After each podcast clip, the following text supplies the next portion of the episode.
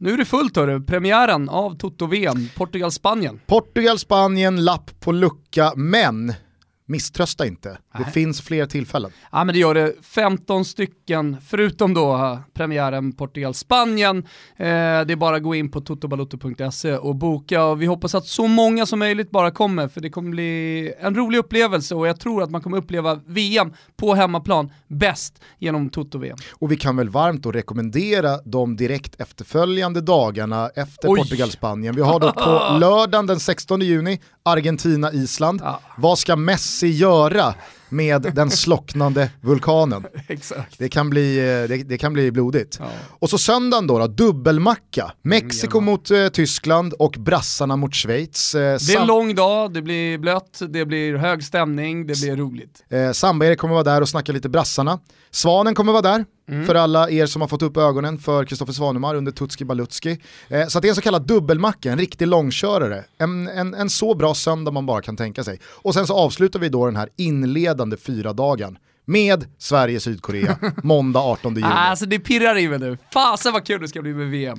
In på tuttobalutto.se och säkra din och dina polares biljetter för de går åt så ses vi på Kung Karl Rulla jingel Kimpa.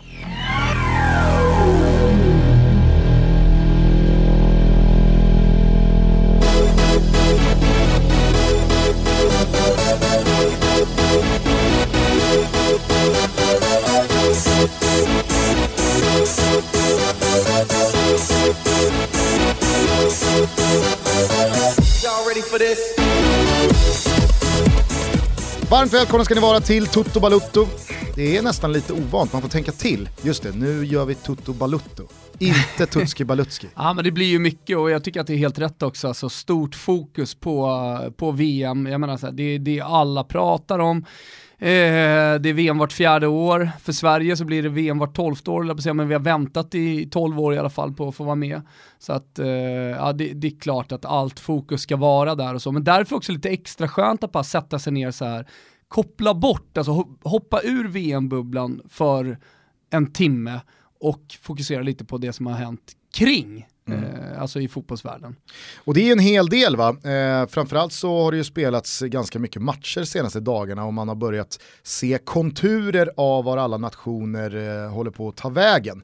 Man har fått en del bekräftat, man har fått en del rynkor i pannan. Jag vet inte vad, vad ditt samlade intryck är från, från den här första rundan av eh, repetitionsmatcher. Eh, du var ju ute och svingade lite på Twitter att man, man gör en för stor apparat av resultat och kanske framförallt prestationer i sådana här matcher. Mm, alltså jag läste lite kröniker som man nästan blir mörkrädd. Så här. Har ni varit med förut? Jag tycker man behöver ha lite perspektiv i alla fall när man tänker kring de här matcherna och när man tycker till.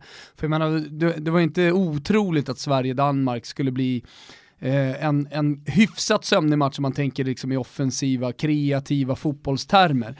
Eh, och sen så att den blev så fysisk blev jag nästan lite överraskad av. Alltså första 25 minuterna liksom präglades av eh, hårt spel och vi hade den här Emil Kraft när han hoppade in röven i nacken på stackars eh, vänsterbacken där. Eh, dansken, som inte är Dormisi, kommer inte ens med i truppen. Nej, ja. ja, det var inte Eh, heller Jakobsen Nej, inte Jakobsen. eller Nielsen. Eh, Nielsen. Nej men, eh, och, och det var det är. Alltså, jag menar så här, fick se eh, Forsberg blixtra till vid något tillfälle. Du vet överstegan som skickade upp eh, högerbacken på läktaren. Ankersen? Eh, Nielsen? Och eh, nej, men jag gillade Jimmy Durmas eh, lilla chip där eh, och, och så vidare. Men, men som jag sagt och som jag verkligen står fast vid, alltså oavsett om det hade en klubblagssäsong eh, eh, som är eh, liksom, som stundar, eller om det är genrep inför ett världsmästerskap så ska man absolut inte eh, dra så stora växlar. Sen finns det detaljer som man kan prata om att Martin Olsson gjorde en bra match och säkert pocka lite på den där dörren. Eh, jag tror inte att det var en slump att Jimmy Durmaz såg så het ut. Eh, med tanke på att han krigar om startplatsen då med Viktor Claesson. Så att det, det är väl, det är väl sådana här små detaljer, men, men resultatet i slutändan, om det är 0-0 eller 1-0 Sverige, det, det är mindre betydelse.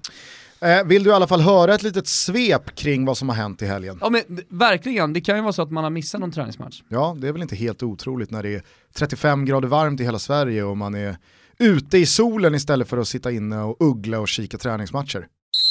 På Friends Arena gjorde ett reservbetonat Sverige och Danmark utan stora stjärnan Christian Eriksen allt för att mörka eventuell pangform lagom till VM. Sverige visade i härlighetens namn inte någonting. Och i en match som Danmark långa stunder kontrollerade lyste heta målchanser, vassa individuella prestationer och viljan att offra sig i den andra halvleken helt med sin frånvaro. Sa jag att matchen slutade 0-0? Nej, men det gjorde den i alla fall. 0-0 spelade också Belgien och Portugal. Det sistnämnda laget såg ut att sakna sin lagkapten och fixstjärna Ronaldo ganska så ordentligt. Och i det stjärnspäckade Belgien gick lagkapten Vincent Kompany sönder men reser ändå till Ryssland. På andra håll och kanter VM-laddade till exempel Tyskland med att tappa en tidig ledning till förlust mot Österrike 2-1. Costa Rica körde över Nordirland med 3-0 och Peru spände musklerna med den dopningsavstängde, senare friade, senare avstängd igen och nu till slut friad igen Paolo Guerrero som tvåmålsskytt i den imponerade 3-0 mot Saudiarabien. England imponerade också stundtals i 2-1-vinsten mot Nigeria och Spanien såg bättre ut än vad resultatet 1-1 mot Schweiz påvisade. Mexarna slog Skottland med 1-0 och Island förlorade med 2-3 mot självaste Norge. Att Lagerbäck knäpper dem på nästippen bara dagar innan VM med dyngbaggarna det måste man ju ändå älska. Men helgens stora landskampsstund kom såklart på Anfield i Liverpool där Brasilien visade klassen mot Kroatien. En viss Neymar gjorde comeback efter fotskadan som hållit honom ur spel sedan i mars och som han tystade de tvivlare som ställt sig skeptiska kring att formen innan konvalescensen ska finnas kvar. Tre kroater på läktaren för lite bangers and mash och sen bollen stenhårt upp i taket. Tack bock och 2-0, brassarna åker till Ryssland som rättmätiga favoriter. Ja men härligt, nu är man ju uppfriskad. Mm. Eh, jag, jag, jag, jag, kände själv när jag började svepet här med min recap av Sverige-Danmark att du och jag kanske ser lite olika på de där insatserna. Eh, alltså, jag hör vad du säger kring Martin Olsson eller Jimmy Durmas, men låt oss vara ärliga, det var ju inga wow-insatser från dem heller. Nej men allting handlar ju om förväntningar, för mig i alla fall, och jag hade inga sådana förväntningar. Nej, men kan du då i alla fall förstå att jag tyckte att det var 90 minuter långa bara, jaha.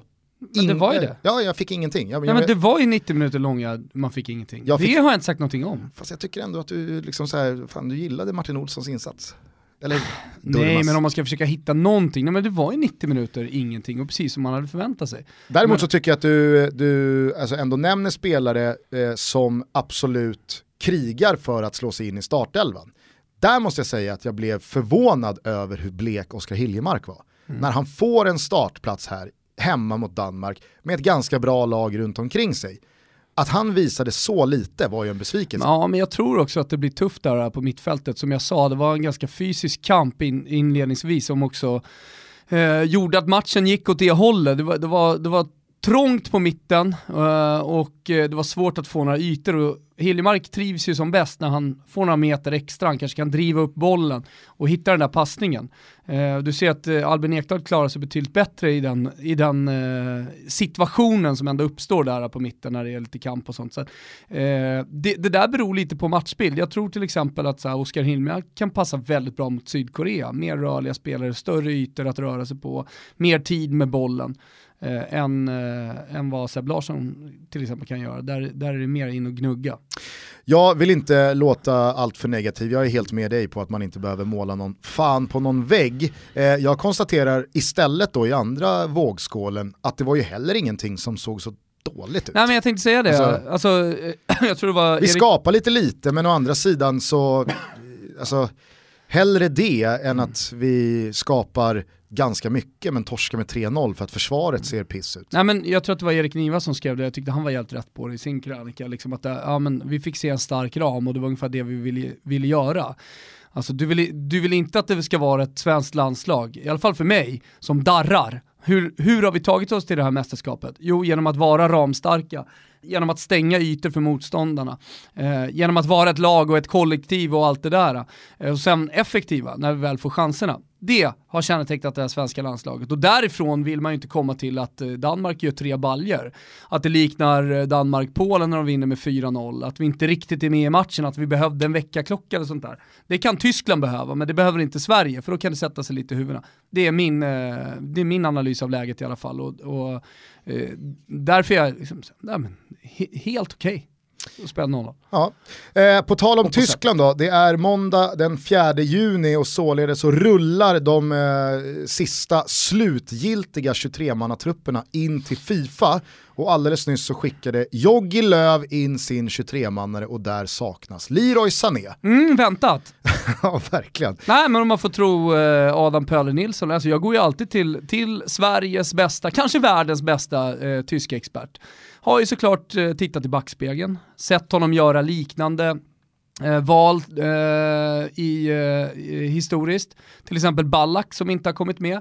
Eh, och det grundar sig i att Löv inte vill ha spelare som sticker ut från gruppen, eller som inte passar in i gruppen och skapar den här liksom, totala eh, harmonin eh, lagkänslan. Det verkar som att, eh, eller som Pelle skriver så är Leroy Sané inte den typen av teamplayer. Han bidrar inte till den där gruppen i alla fall. Eh, plus att de gångerna han har fått chansen i det tyska landslaget så har han faktiskt inte levererat. Så jag menar, Jogge Löw går på det han ser under träningarna, han går på det han har sett tidigare.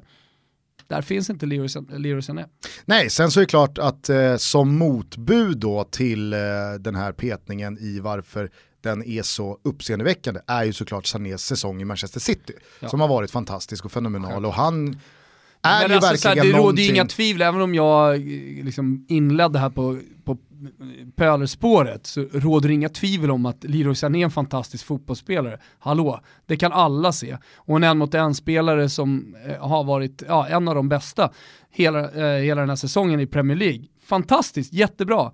Men jag säger att man måste också, man kanske måste gå lite mer på djupet för att förstå de här petningarna. Ja, ja, herregud. Han är ju inte petad eh, för skojs skull.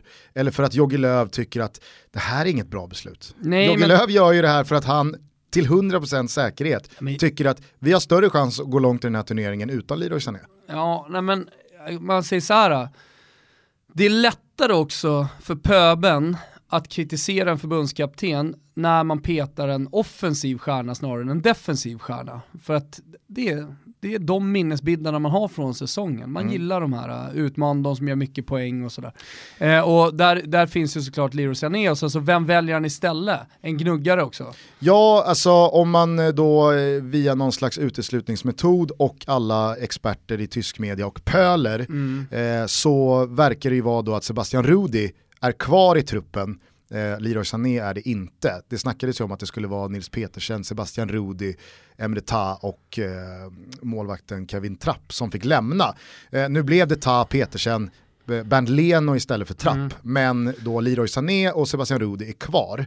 Eh, de är ju inte speciellt lika som fotbollsspelare och i det kan jag ju känna att det finns ett risktagande här från Jogge Löw. För låt säga att Tyskland skulle åka ur i en åttondelsfinal eller i en kvartsfinal och det genomgående under turneringen har hackat lite att man mot lågt stående försvar har haft svårt att låsa upp eh, och, och, få fart i ytor som eh, individuell teknik och briljans kan leda till snarare än Rudis eh, gnuggande. Mm. Mm. Så känns det som att han kommer få mera skit för det i sådana fall, snarare än att han hade haft med Sané, ingen Rudi, för att på vilket sätt ska Tyskland floppa där någon sträcker upp handen och sagt du borde ha petat Sané. Ja, men precis på samma sätt som att Ken Sema-kortet kommer att dras när det svenska anfallsspelet inte riktigt funkar, speciellt då högerkanten. Nu tycker jag Dorma som sagt såg bra ut och, och jag litar väldigt mycket på Viktor Claesson som kommer från en fantastisk säsong och ingen har sett honom. Någon har sett någon drömmål som han har gjort men folk har inte sett eh, den ryska fotbollen och Krasnodar spela, kanske någon Europamatch. Eh, så, men precis på samma sätt som jag litar fullt ut på, på Janne Andersson, att han har tagit ut den bästa möjliga truppen för hans sätt att se på fotboll och ställa upp det här laget.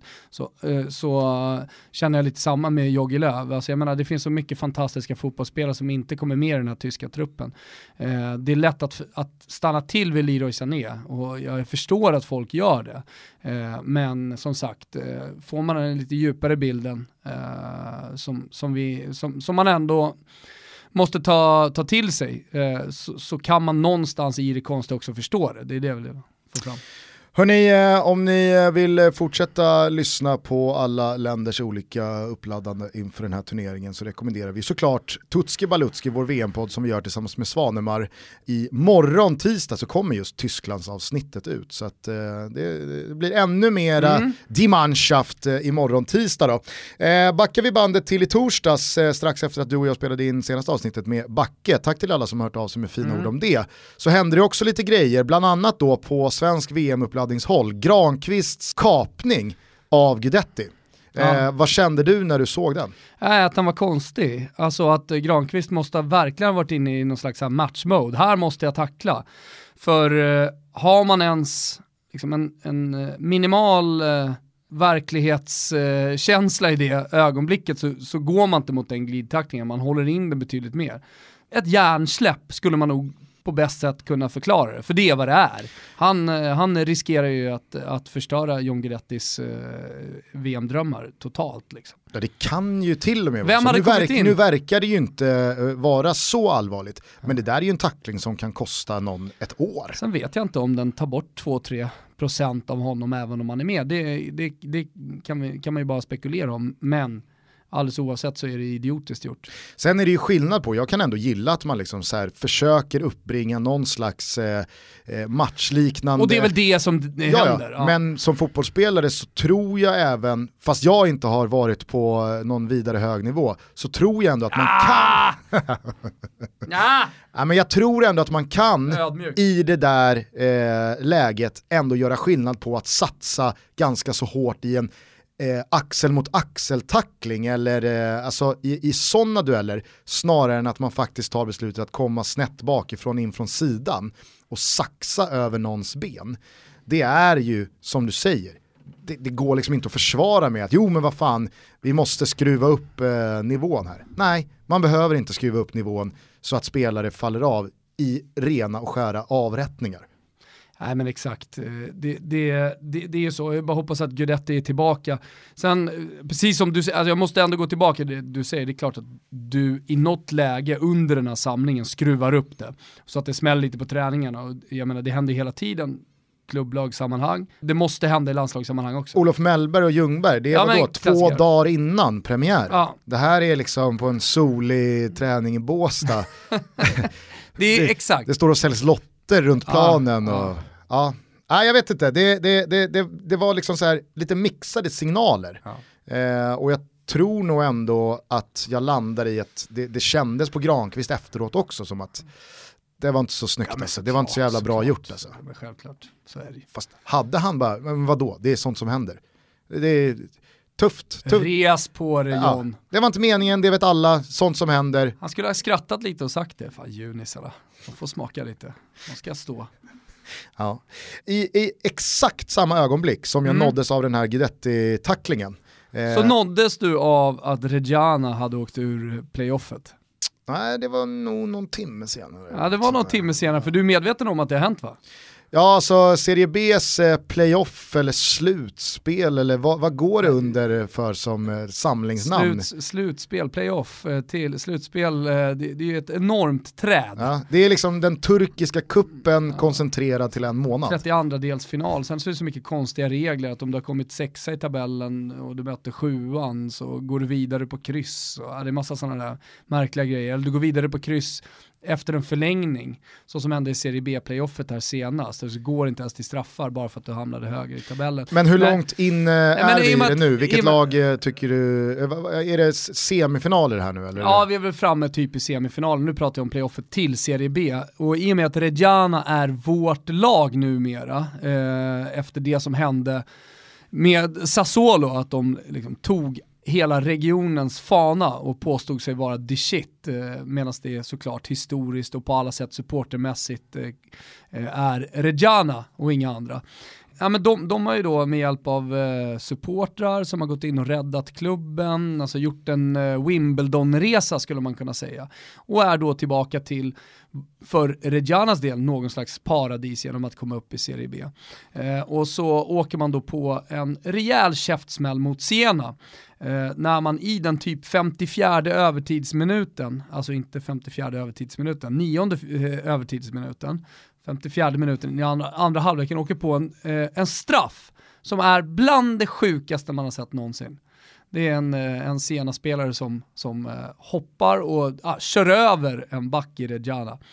Straffblåst utvisning på Reggiana-gubben också. Alltså det, det, man fattar ingenting.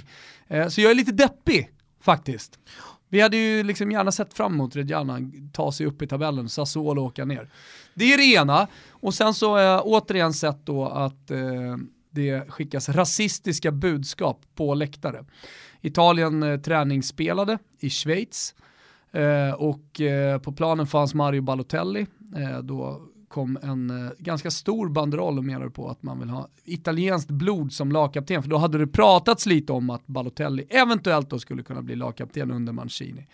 Eh, men då ville man ha, eh, inom citationstecken, italienskt blod. Och det är ju för jävligt va? Mm. Eh, och samtidigt som bli, eh, det blåser väldigt starka högervindar i Italien nu när det har varit val. Salvini, som är inrikesminister, vice premiärminister numera, är född och sprungen ur ett direkt invandrarfientligt eh, parti, ett rasistiskt parti som eh, heter Lega Nord. de ville på tidigt 90-tal till exempel skapa Padanien, ett eget land av norra Italien. så att det finns en viss form av rasism då mot södra Italien, men också eh, väldigt, väldigt invandrarfientliga. Han är nu inrikesminister, han är vice premiärminister.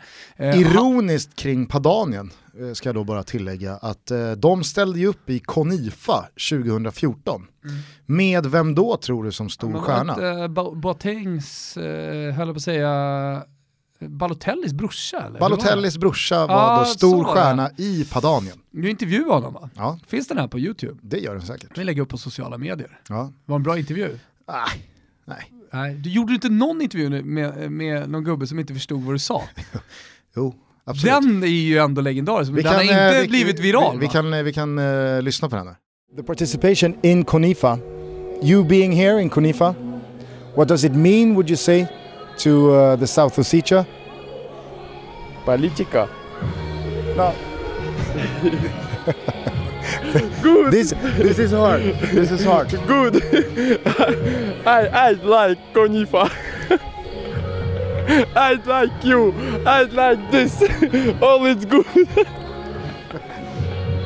okay, but for the team. Our team. It. Yeah, our yes. your team, South Ossetia. You being here in this tournament, what does it mean for the South Ossetia?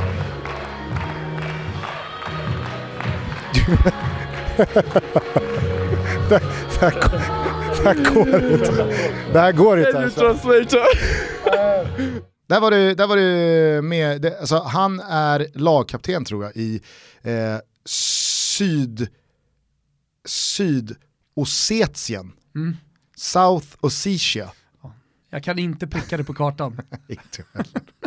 inte jag heller. Jag minns bara att vi, vi hade det otroligt kämpigt att förstå varandra ja. i den här intervjun. Nu sitter ju bara Leo och Jägerskiöld Nilsson och skakar på huvudet. Va? Vet ni inte vad syd och CC Hur som helst, det var ju då eh, ironiskt då när du pratar om liksom, Padanien, ja. Lega Nord, Balotelli, mm. att Balotellis brorsa var stor stjärna då i eh, Padanien. Ja men extra härligt då att, eh, att eh, ja men nu ska inte Balotelli spela mot Holland men, men Lorenzo Insigne som ändå är syditalienare eh, och, och eh, representerar Napoli som representerar hela, hela södra Italien blir lagkapten. Eh, Mario Balotelli skickades fram på presskonferensen där han pratade om det här också, alltså om sig själv som symbol för eh, afrikanska eh, invandrare som kommer med båtar till, till Sicilien. Där finns det människor som gör ett otroligt jobb för de, för, för de här, dels sjöräddning men, men också ta hand om de som kommer.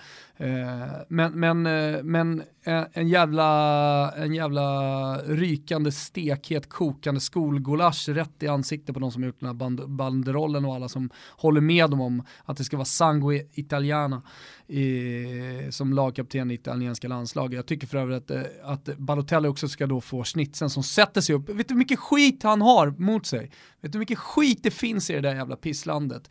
Eh, så mycket fascister. Eh, och, och sätta sig liksom och, som svart eh, på presskonferensen och stå upp då. Eh, det krävs väldigt mycket. Det finns en text som Malena Johansson har skrivit eh, som berör det här ämnet. Vi ska retweeta det, vi ska lägga ut texten. Eh, och jag tycker att man kan fördjupa sig lite i det. Eh, på samma ämne då, för att jag hade också en eh, schnitzel att dela ut mm -hmm. det, det, det, här avsnittet. Och vi brukar ju säga i Toto Balotto att ingen gulasch utan en schnitzel. Eh, nu ger ju du den med all rätta här till, till, till Ballo, men jag tycker att eh, Zlatan, eh, Nils Andersson och Leo Rassak, eh, Leo Rassak känner säkert många igen, skådespelaren som på senare år bland annat har eh, varit då sängförsäljarkollegan i eh, Bonusfamiljen. Aj, aj. Eh, och dessutom så har han ju spelat en av huvudrollerna i Torpederna mm. med Torkel Petersson. Va? Eh, de två, Nils och Leo Rassak alltså, har gjort en dokumentär om eh, Zlatan som heter För Sverige i tiden och den gick upp på SVT Play igår. Och jag vill verkligen varmt rekommendera alla att se den. Dels för att den var väldigt viktig i sitt budskap men också för att de lyckas fånga en Zlatan som jag inte har sett röken av på väldigt, väldigt länge. Eh, senare år så har ju Zlatan mer varit av en liksom, eh, låtsas utomjordingscirkus än en människa. Mm. Eh, det har ju varit eh, reklamfilmer på reklamfilmer för stora eh, globala företag, det har varit liksom appar och superhjälts eh, reinkarnationer och det har knappt eh, gått att prata med honom om någonting. Eh, här var det liksom Zlatan Ibrahimovic i 53 minuter som sitter rakt upp och ner och pratar om sitt liv och sin karriär och hur han ser på sin roll som svensk, hur han ser på sin roll som svensk landslagsspelare, landslagskapten, vad han eh, har eh, blivit bemött av eh, genom ungdomen och sen mm. i vuxenlivet. Och, ja, jag tycker att den, den verkligen kapslar in väldigt mycket som Zlatan på ganska, liksom, på, inte på några klockrena sätt har berört tidigare här och där genom 15 år. Eh, här var det verkligen liksom konkret, koncist. Jo, nej, men jag tycker, och jag menar på tal om Balotelli, alltså det, det här är en resa som Zlatan Ibrahimovic också ha, ha, har gjort. Eh, och det är klart att alltså dels ska vi komma ihåg hans gärning som fotbollsspelare, det kommer vi alltid göra, han är fantastisk, vår bästa spelare genom tiderna, stor stjärna. Någonting annat, vi kommer aldrig få uppleva det förmodligen i alla fall under vår livstid, liksom någonting ens liknande. Eh, på någon annan scen, eh, i och med att fotbollen är så stor.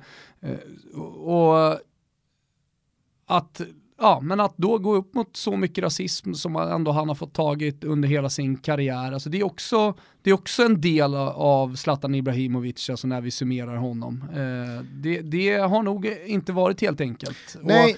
Och det, jag, jag, landar bara i att trots liksom dokumentärer och den unge Zlatan och hans egna bok och allt som har skrivits om Zlatan så skulle jag ändå vilja påstå att de här 53 minuterna är Zlatan Ibrahimovic liksom sanning eller manifest över allt det här han förmodligen har menat, velat prata om, eh, inte pratat om, borde pratat om. Det har kommit ut fel, det har kommit ut rätt, det har kommit ut för lite, det har kommit ut eh, vid fel tillfällen och så vidare och så vidare. Här är det liksom, ser man de där 53 minuterna så lämnas man med en känsla av att det där var fan Zlatans mm. egna ord och vad han menar och vad han står för. Sen så behöver inte alla tycka att det är 100% klockrent. Eh, men det var... Nej, men det gör ju också att man förstår honom lite. Alltså, han, han pratar ju nästan fortfarande i termer av revansch. Mm, ja. Och man undrar, ja, men, jo men vem, vem ska du ha revansch emot? Alltså, vad, vad, är det för revansch du talar om? Kan man ju ställa sig frågan.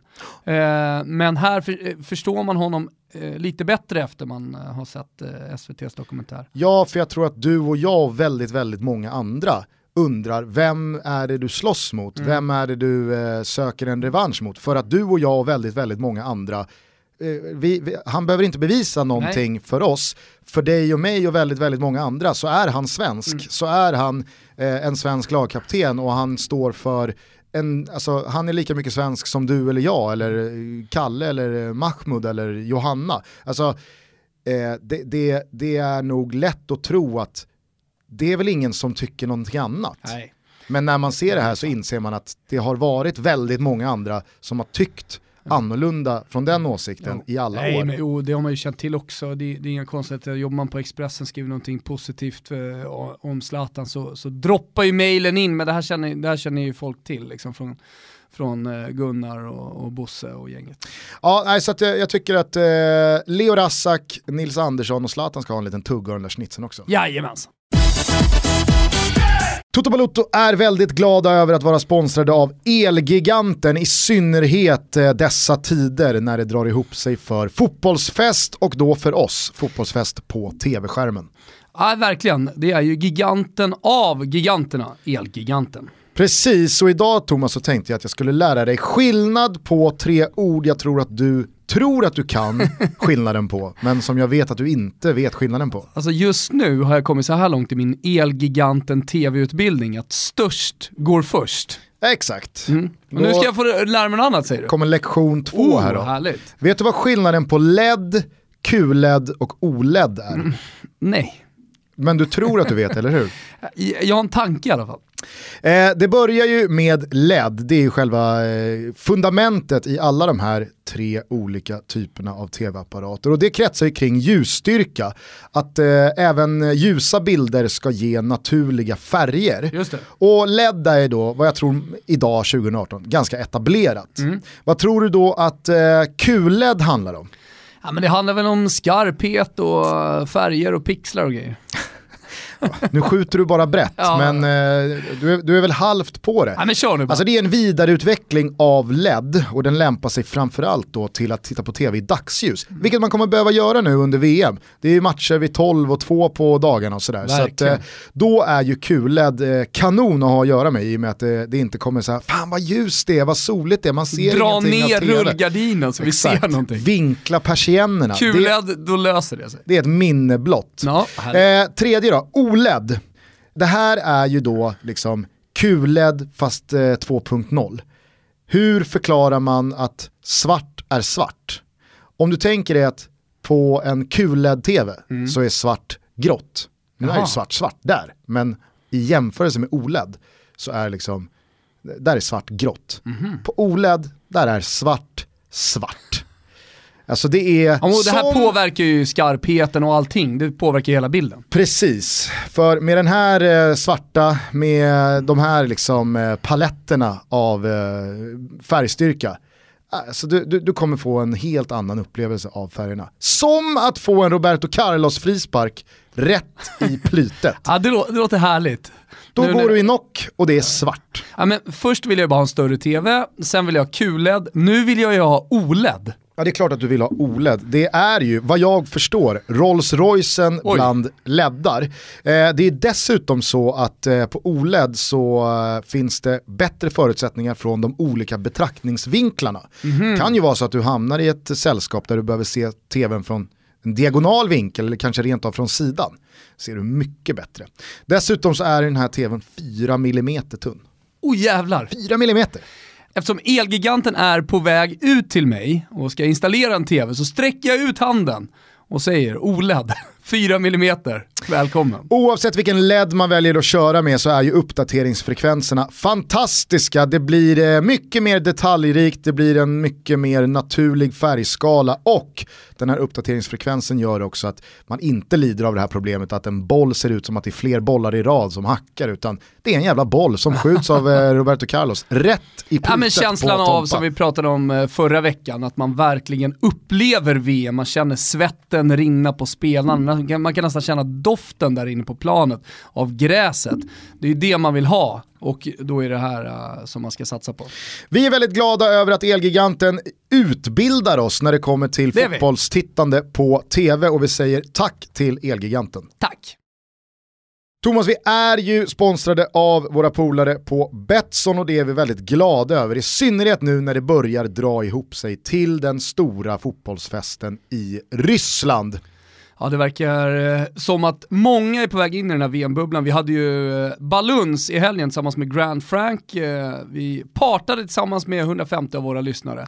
Och jävlar vad kul vi hade, men man märkte ju också då, ja nu var det ju, eh, inte generalrepetition, men repetition inför VM, att eh, mycket mycket av surret handlar just nu bara om VM såklart. Ja, och vi generalrepeterade ju inför Toto-VM då på Kung Karl, där Grant Frank och Betsson också kommer vara med oss. Så Ja. att, eh, det, var, det var en väldigt eh, rolig kväll, tack till Betsson för att ni var med och gjorde den möjlig också. Men om vi nu fokuserar lite på våra speltankar inför VM så är det skarpt läge för dig och mig nu. Du och jag har ombetts av Top Dog Raoul att lämna in våra VM-tips. Eh, där man alltså har chansen att vinna 250 miljoner kronor. Det som eh, efterfrågas är att man ska sätta vem som kommer etta i varje grupp, vilka som kommer tvåa i varje grupp och sen så hur slutspelsträdet då artar sig hela vägen fram till att någon nation lyfter bucklan den 15 juli.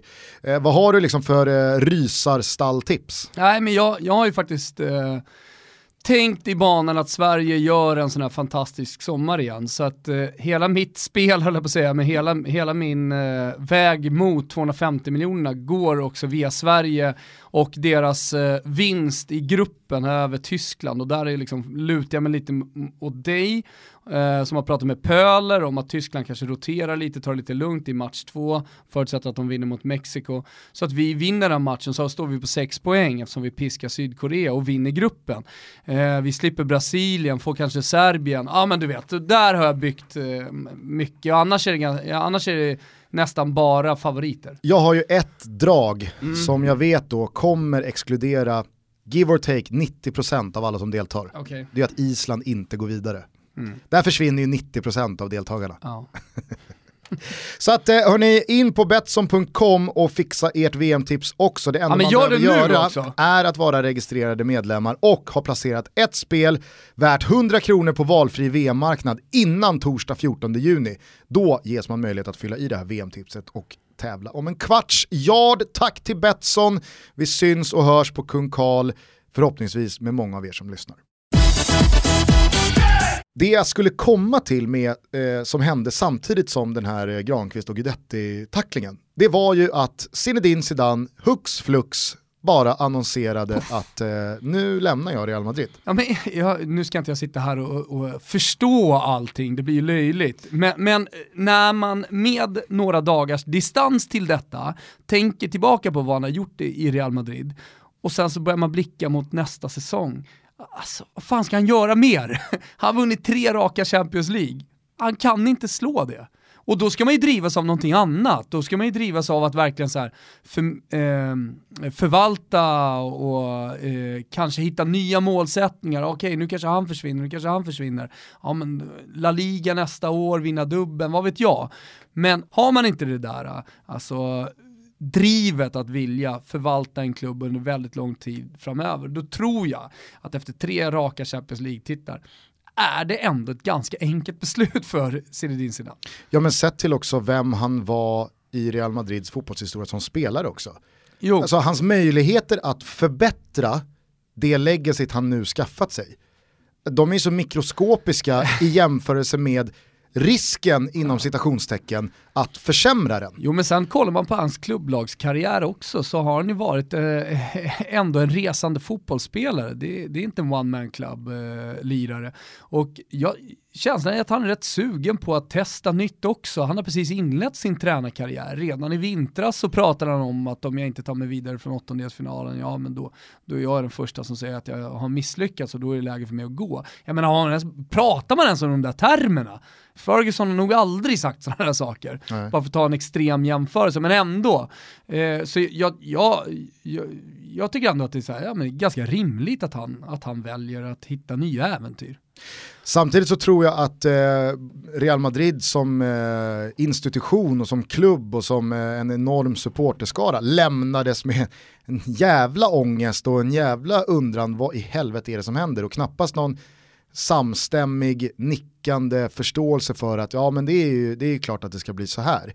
De lämnas ju i någon slags chocktillstånd att vänta här nu, vad fan säger du? Du knallar alltså. Vad ska vi göra nu? För precis som att Zidane står på toppen i vad han har uträttat för Real Madrid så står ju även Real Madrid som lag också inför en nästa säsong med tre raka Champions League-titlar i ryggen. Att det är oerhört svårt att upprepa den här succén. Zidane kan ju eh, tacka för sig och knalla ut från salonen Real Madrid ska ju fortfarande spela en säsong nästa, nästa år, eh, eller med start i augusti. Och det ska liksom nu från den här rutan börja byggas ordentligt. Vem ska ta Real Madrid? Det har ju redan pratats om eh, Joggi Löv, han har ju förnekat det ganska kraftigt. Å andra sidan så kan väl inte han göra någonting annat tio dagar innan VM. Eh, Wenger bollas upp som någon slags... Han var ju oddsfavorit hos Betsson. Ja, och det tror jag har mest att göra med att eh, Florentino Perez för länge sedan mm. ville ha Wenger, men att han då blev Arsenal trogen. Att ta Wenger nu, det är inte samma... Nej, alltså jag, jag vet inte, det, det är liksom som att det, det är som att gå in i, i ett företag som inte bara har pikat utan som också har börjat liksom, gå back. Att kliva in då tio år för sent. Eh, Han var ledig!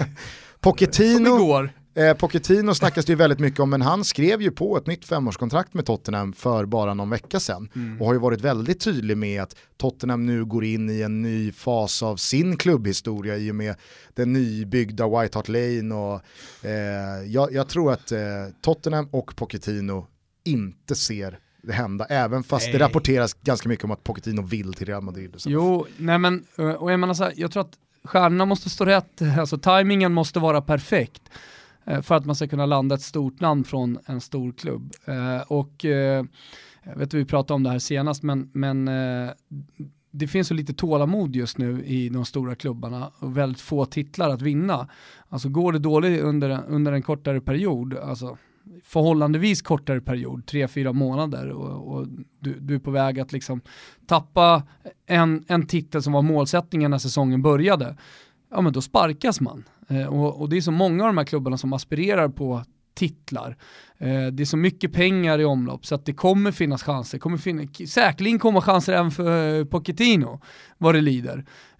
Men, men, men därför känns det som att så här, men viss, vissa tränare, till exempel han, är inte aktuella just nu. Men däremot så, precis som i, när, man, när man gör alla liksom så stora förändringar, för det blir en stor förändring för Real Madrid, så, så, är det ganska sällan det sitter på en gång. Jag skulle tycka att det var otroligt både spännande men framförallt roligt ifall man vågade ta Sarri.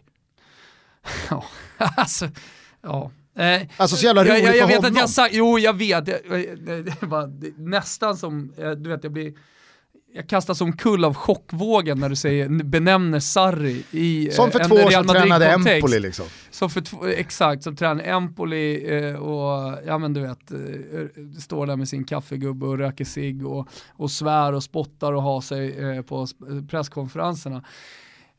Alltså, jag har svårt att se han i någon toppklubb, men ändå som du säger, ja men det är klart att det, det hade eh, när jag precis pratat om röka och, och, dricka kaffe, man tänker att det stinker i munnen och så svär han och spottar och sådär. Eh, mm, och så säger man fräscht då, men på ett sätt vore det ju fräscht att ta in Sarri. Jo men i en klubb som Real Madrid som alltid har så extremt höga krav på inte bara hur matcherna, liksom, eh, att poängen ska tas, utan mm. hur de ska tas så är ju Sarri absolut ett av de bästa valen sett till att han bevisligen kan få lag att på den yttersta europeiska nivån spela en fantastiskt attraherande och underhållande fotboll. Ja men exakt, och jag, jag menar, när eh, Real Madrid nu då ska starta någonting nytt, eh, då tycker jag ändå man ska försöka gå på en ganska stark fotbollsfilosofi. Alltså kom, få in en tränare med, med sina idéer och försöka implementera dem på, på det, den befintliga truppen och, och, och sådär. Men, men, jag tror också att det är svårt, jag är helt övertygad om att det är svårt i en klubb som är så stark. Eh, och jag menar uppifrån, toppstyrd med eh, en president som har väldigt mycket att säga till om och en sportslig ledning under eh, som står över tränaren eh, som de gör. Eh, sen, så, så, att jag menar så här, så här, fria tyglar på Sarri att agera helt fritt tror jag blir ganska svårt i Real Madrid. Men däremot så, så tror jag att det ändå på något sätt är bästa vägen att gå. Ja, väl, Än att försöka som... kopiera någonting och bygga vidare på något som, som någon redan har skapat. Har du några motbud? Eh...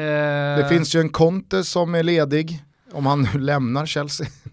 Man har inte sett en officiell exit än. Nej, man har inte gjort det. Allegri. Ja. Nej, det är jättesvårt alltså. Nej, jag tror inte Allegri, jag tror han blir kvar i Juventus. När Eh, supportrarna fick säga sitt så ville man ju ha Klopp, men det finns ju inte, det finns ju inte en men- chans eller att Klopp var, lämnar var det Liverpool. inte Raúl då som support? I och med att det har funkat med en ex-spelare. Många så tänker man att det borde funkat efter en till. Men Goti, va? ursäkta. Nu drar jag ner byxorna igen här. Vad gör Goti? Ja, Vad har Goti gjort? Fast Guti är väl ungefär nu i samma läge som Zidane var för två och ett halvt år sedan. Han har väl kört liksom Castillo och varit i organisationen ett par säsonger Mm. nu. Det är i alla fall min uppfattning om Guti Haas och hans eh, presensstatus i Real Madrid. Mm. Dessutom är han ju en legendar bland supportrarna och tidigare lagkapten och det är ju verkligen en Real Madrid-ikon.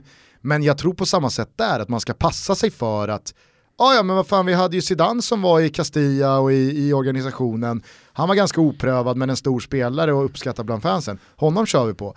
Ja det funkar med Zidane, men det, med det sagt så behöver inte det falla sig naturligt att funka även med Guti. Nej, verkligen inte. Och sen så att fortsätta då, fortsätta då på, på ett inslaget spår med, med ytterligare en spelarlegendar, det kanske, kanske är riskfullt på något sätt. Eh, Det, det är väl ingen, långt ifrån en garanti att, eh, att en före detta spelare, upplyft spelare ska lyckas, utan snarare att man då kanske förstör någonting. Man undrar också, I bandet med supporten och sådär. man undrar ju också hur länge Florentino Perez vågar gå tränarlös. Eller kanske Mm. rättare sagt tillåter Real Madrid att gå tränarlös. Alltså nu vet jag inte, men eh, om man kollar på truppen, eh, Real Madrids trupp, så spelar, måste ju nästan alla vara i ett landslag under VM va? Ja, är Finns det någon många som, kallas, du vet, eh, lite tidigare? För VM-spelarna kallas ju alltid lite senare för försäsongsträningen. Ja, det är väl Bale då, Ja, Bale är ledig, han är nere och... om han, om han och- nu blir kvar. Han är nere och, och, och kör lite med juniorerna då i slutet på juni. Ja. Ska komma igång. Jo men det står i ditt kontrakt vet du. 30 juni, då ska du infinna dig. Nej, annars är det väl eh, samtliga spelare som är iväg va? Ja, jag kan inte...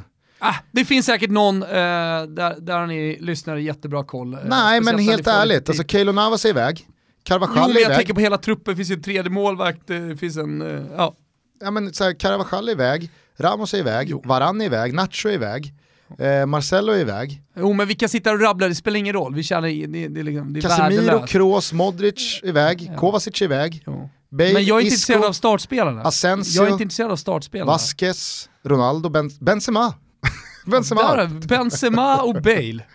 B&B Jävla du alltså. Kör lite tennis, fotbollstennis. Ja, ja, så är det i alla fall. Ja det blir spännande att se vem som tar Real Madrid. Det är ju, eh, det, det är inte vilket jävla tränarjobb som helst som är ledigt här nu. Sarri, te, te, två år sedan, Sarri till eh, Real Madrid, Ja. alltså innan Napoli. Sa, om två, om jag, om jag hade sett den i kikarsiktet, om två år, då kommer Empolis träna, träna Real Madrid. Och Ancelotti kommer träna Napoli. Ja, det ska ju vara tvärtom. Eh, innan vi bara stänger den här punkten, du såg vilket rykte som eh, bollades upp kring Zidane va? Nej. Att ta Qatar Ja, ja, från ja, juli såg jag. 18 Ja. till och med då hemma VM 22 som man alltså inte behöver kvala in till. Nej. Så att det enda, det enda liksom han i sådana fall behöver göra är att få ihop ett bra lag, få dem att spela liksom bättre fotboll eh, 2022 än vad man gör 2018 och sen leda dem under hemma-VM. Ja. Eh, vet du vad han erbjöds? Nej. Enligt det här ryktet då. då. 100 miljoner euro eller något. 200, 200 miljoner euro. 2 miljarder. Det är 2 miljarder Mm. för att leda ett landslag, Som aldrig träffas. förmodligen bo då, då i eh, Qatar eller Dubai eller Förenade Arabemiraten. Något jävla palats. Och så under eh, tre och en halv vecka om fyra år försöka göra det så bra som möjligt. Det blir spännande att se. Jag, jag säger att det är långt ifrån omöjligt. Jag jobbade ju med handbolls-VM i Qatar 2015. Mm. Eh, roughly så skulle jag säga att hälften av Qatars trupp var ju inte Qatar-födda. Nej, det var väl ännu fler va? De har värvat upp ett Ja, men det var ju serber brassar och spanjorer och brassar och liksom halvbra man ska, inte vara för, man ska inte vara förvånad om hälften av startelvan när VM 22 drar igång Nej, men det är det jag menar. som kommer från andra Eh, länder. för, för det här var ju handbollsspelare som alltså hade ganska många landskamper för sina respektive länder. Alltså det var ju serber Ja, ja. som det, det var ju inte serber som hade stått utanför landslagssammanhangen. Ja, har ingen aning om, men Nej, så det. var det i alla fall. Mm. Det var ju spelare som hade 40, 60, 80 Oj, landskamper. Men där det liksom gick att, ja men vad fan du får bli serb. Eller du får bli, du får bli eh, katarier. Och jag tror att till det här VMet, för Ryssland kommer alltid vara Ryssland, alltså de, de, de har ju många fotbollsspelare som de kan skaka fram ett dugligt eh, landslag med.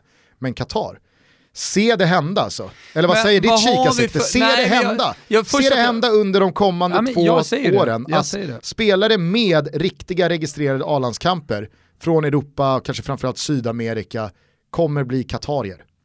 Nej, det är klart jag inte säger emot det. Alltså, det. Där finns ju till och med ett läck som du, som du nämner här i handbollen. Eh, på ett sätt så vill jag bolla upp Marcus Berg då, som, eh, som katarsk landslagsman eh, i 2022. Men han, nu spelar han i Saudi. Jag menar flytten över till Qatar är inte speciellt lång. Det är ett privatjet på eh, en halvtimme, ens det va? Jo, men Marcus Berg om fyra år. Ja, men eh, det, det, var ju så här, det var min första tanke bara för jag ville ha en svensk. Eh, men eh, annars är väl Ragge då som är närmst om han skulle komma dit. Han är ju ännu äldre. Ja, Hulk, inte helt otänkbart att han kommer till eh, Qatar. Där har du ett bra, där har ett bra förslag. Det är ett bra namn, ja, det är hur? ett bra förslag. Hulk, eh, Tyson, har ett annat. Nu är han mer än brasilianska truppen, vilket är helt otroligt. Jag tycker inte att han är så bra. Men eh, ja, vi får se. Vilka är era förslag eh, att eh, ta sig in i Qatars trupp? Pedro. Pedro. Pedro. Ja, varför inte? Pedro kommer bli katarier. Vad djupt sorgligt om typ Iniesta är en av dem. Ja. Påhej, alltså, påhejad av Xavi. På hela Xavi och Som såklart blir någon slags eh, slutförhandlare Ja, ja. Vid, vid borden. Såklart. Han kommer ju också värvas till att bli katarisk Ja. Hulk är ett bra namn, det, det kan vi enas om. Hulk är ett bra namn, absolut. Men jag lovar, det, det, det kommer ske. Ja. Ännu mer så om Zidane skulle hoppa på och bli katarisk förbundskapten. För två miljarder, vem ska säga att du borde tacka nej till det? Innan vi eh, släcker ner dagens avsnitt så måste vi bara såklart beröra då, då att det nu eh, verkar bli Swansea för Graham Potter. Vad än Daniel Kindberg kommunicerar i sina sms. Det är alltid sms. Vad fan är problemet? Lyft luren. Ja, ja, eh, ja det verkar bli det. Ett eh, modigt val får man ändå säga. Ja, båda skulle jag säga. Dels Swansea som eh, vänder sig till en tränare som inte alls har uträttat någonting i den brittiska fotbollen och det ska man ju komma ihåg hur traditionstyngda de är av Mm. både media och supportrar och ja, men, eh, liksom i, i backspegeln. Jo, men han är Men- inte men- ett namn heller, det är ju det. Exakt. Alltså, jag menar, alltså, det är en Exakt. sak om en före detta spelare tar över en klubb och inleder. Eh, vi ser nu eh, eh, Filippo Inzaghi mötte Nesta, eh, Fabio Grosso, du vet så här, hela 2006-gänget är i Serie C och Serie B och försöker komma uppåt. I England så har vi Frank Lampard som är på väg upp med Derby. Sådana grejer är ju rimliga. De har tränat, de har en stor spelarerfarenhet, superrimligt. Eh, men att välja då en för den engelska fotbollen helt okänd tränare, oavsett vad han har gjort med Östersund, är ju eh, eh, eh ett modigt val och måste jag ändå säga någon slags gambling också här för, för Swansea. Å andra sidan så rimmar det ju ganska väl med Swanseas moderna historia som man gav en relativt okänd Roberto Martinez fullt förtroende. Eh, Brendan Rodgers var inte någon för oss med ett normalt medvetande om fotboll innan han eh, kom fram. Så att det är ju en klubb som eh, bevisligen har vågat ge chansen till ganska oprövade namn. Exakt, eh, och jag menar så här, uppenbarligen så är det någonting de har fastnat med vid Graham Potter. Alltså hans eh, oortodoxa metoder att eh, jobba med en spelartrupp som vi här i Sverige alla känner till. Eh, och eh, för all del också hans framgångar är om, eh, trots allt i en mindre liga. Men om man skulle kunna applicera det här på Swansea och göra, göra liknande framgångar, om det skulle funka i en större klubb, det är mycket möjligt att det gör det. Eh, med kultur i ett omklädningsrum, eh, eh hans, hans eh, vad jag upplever som ganska unik i alla fall inom svensk fotboll, men skulle kanske bli ännu mer unikt då i engelsk fotboll, sätt att vara en ledare för eh, en grupp unga grabbar som ska svetsa samman och, och, och nå resultat. Så är, det ju, så är det ju också i samma mening som man säger att det är ett modigt val och någon slags gärning så är det ju också ett spännande val tycker jag om eh, Swansea-supporterna kanske är lite skeptiska när de ser. Men fan den här gubben så läser de på lite om Östersund och vad de har gjort och tänker att de kan applicera samma metoder där och nå liknande framgångar. Då är de ju tillbaka snart igen. Och jag skulle bara säga det när jag sa att eh, för, från båda håll så är det ju ett modigt val även av Graham Potter. Som alltså väljer ett lag som nyligen efter, nu går jag bara på volley, åtta raka säsonger i Premier League åker ur och nu ska göra sin första Championship-säsong. Jo, jo, men ändå så här, det är ett Premier League, nyligen Premier League-lag, Championship, det är en helt annan verklighet, helt andra pengar, ett steg i karriären. Så det är väl också ett ganska enkelt val. Självklart, jag menar bara att hade Swansea klarat sig kvar i Premier League mm. och Graham Potter hade fått jobbet där, så skulle jag nog fan kunna påstå att det jobbet hade kommit med mindre press än när han nu tar dem och de nyligen har åkt ur Premier League och ska upp. Framförallt så tror jag inte att man hade tagit Potter.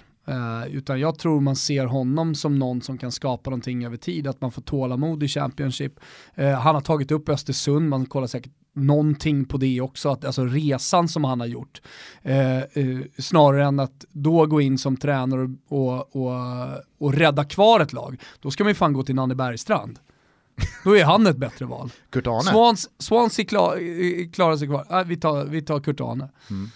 Ja, Nej, blir... men jag håller med om att man har olika profiler, eh, olika uspar som tränare. Och eh, Graham Potters onekligen är ju någon slags resa som man gör. Det är väl också på sin plats bara att eh, påminna om att eh, ingenting är officiellt eller klart än. Det här är eh, dock Sky Sports som har dundrat ut ganska så tydligt. Mm. Och de brukar ju inte skjuta hej vilt omkring sig.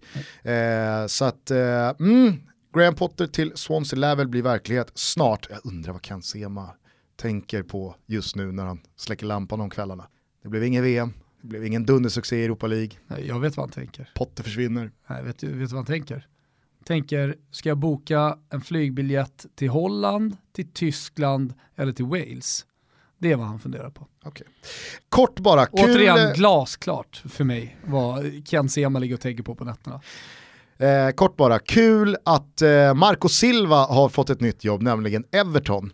Vi ja. gillar ju Marco Silva. Ja det gör vi. Det är lite av Tuttos gubbe. Ja. Eh, många kommer säkert ihåg för eh, ett och ett halvt år sedan när eh, Hall valde att eh, vända sig till denna portugis som hade gjort det ganska bra i Grekland, eller väldigt bra i Grekland, fick en hel del kritik från gamla mossiga engelska pandits, men knäppte alla på näsan, klarade i och för sig inte kontraktet med Hall, men spelade en väldigt bra fotboll. Det gav honom jobbet i Watford, eh, som han gjorde en riktigt bra höst med.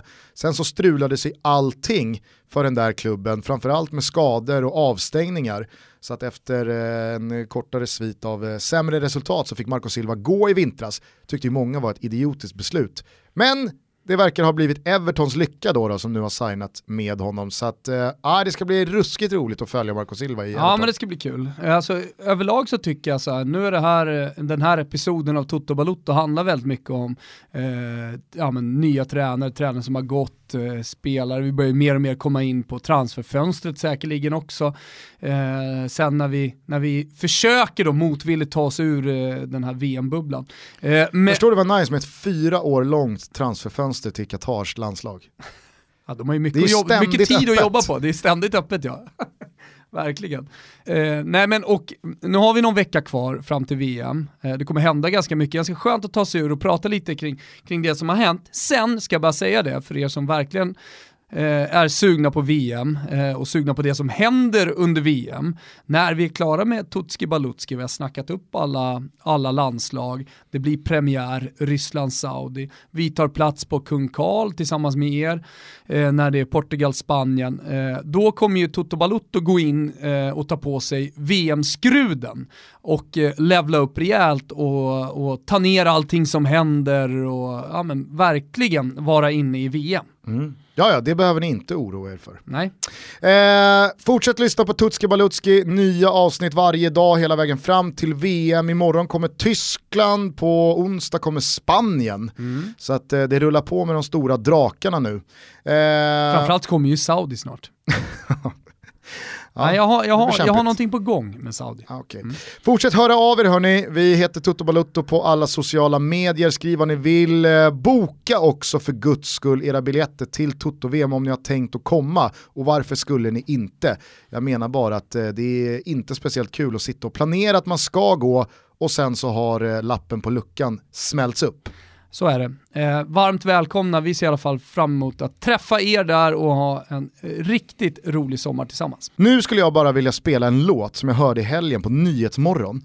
Och jag blev helt fan ta med blåst av stolen för hur bra den var. Kul! Ja, eh, det är eh, två svenskar, en tjej och en kille som, alltså de satt i Nyhetsmorgon för att den här tjejen, hon hade blivit utkastad från Liseberg när hon typ bara hade haft på sig en bh, bikini Inte samma, anledning, topp. inte samma anledning till att Marcus Birro en gång sparkades ut från Liseberg. Inte samma anledning, utan hon, Århundradets bild! hon hade då citat visat för mycket hud. Okej. Och så blev det här viralt för hon blev väldigt provocerad, gick ut eh, kring det. Och så satt hon i Nyhetsmorgon med sin eh, kompis då, tänkte jag. För jag kom in eh, liksom halvvägs i intervjun. Och den här killen hade, liksom, han såg sig som tjej, men hade nu typ gått tillbaka till att "Nej, men jag känner mig lite som en kille också. Så det var någon sån här tudelad könstillhörighet, så att han Okej. var både kille och tjej. Och så tänker jag så här, ja men det är därför de sitter i den här soffan och eh, intervjuas. Nej, då visar det sig att det här är en, en musikakt, de, de är ett band, de här två, som heter Arhult. Och så går de upp på scen eh, och bränner av den här låten 1999, eller 1999 heter den. Alltså det är fan bästa låt jag hört. Nej. Otrolig låt. Ja, nu, är det, nu är det höga förväntningar. Rulla igång den Kimpa så eh, säger vi ciao tutti och eh, tack för att eh, ni lyssnar och tack för att världen är som den är. Att man alltid blir överraskad av härligheter. Ja. Puss på dig Tompa. Puss på dig. Ciao tutti. Ciao. We were dealing with the devil, making promises that never lasted, holding on to each other, yeah. We were sipping on emotions, and the more we drank, the more we felt it. Oh, the more we get tired of the same old songs, the same old songs. Yeah, oh, and like what we're supposed to feel and